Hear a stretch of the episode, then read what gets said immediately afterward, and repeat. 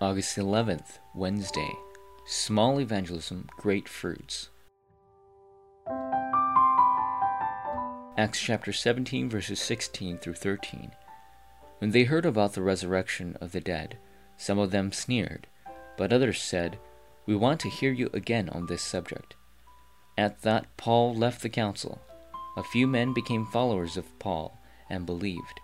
Among them was Dionysius, a member of the Areopagus, also a woman named Damaris, and a number of others. Athens is the region in which Paul's evangelism ministry had the least number of fruits. Although the least in number, there were big fruits. The small things that we do, such as gathering together and praying for evangelism, are precious in God's eyes, and He grants great fruits. If you think, How will I live the life of an evangelist today? As you start your day, this thought will be connected to big answers. Number 1. Very small things for the sake of evangelism.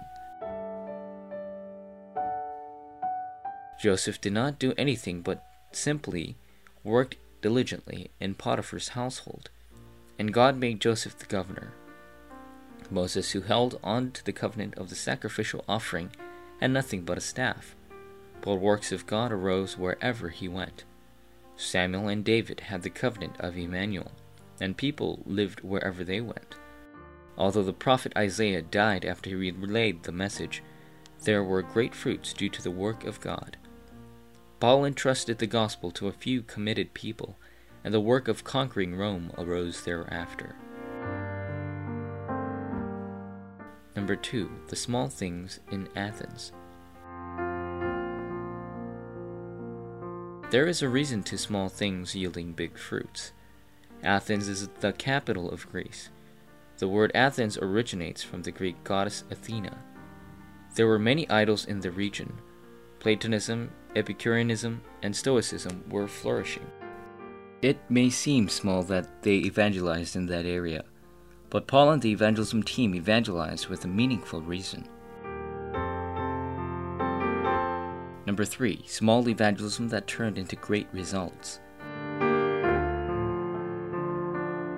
They testified that Jesus resurrected as evidence that he is the Christ, and although the Creator God is unseen to our eyes, we are all one lineage in Christ. As a result, they had small fruits of evangelism.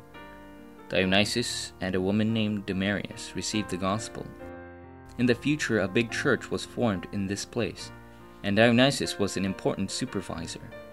Regardless of the small size of the ministry, the evangelist movement turns up as big fruits. Fruits may seem small when you proclaim the gospel in the countryside or difficult fields, but the fruits are never small. Forum topic God opens the doors of evangelism. The small evangelism that I put into action is the beginning of world evangelization. What is my evangelism plan for today?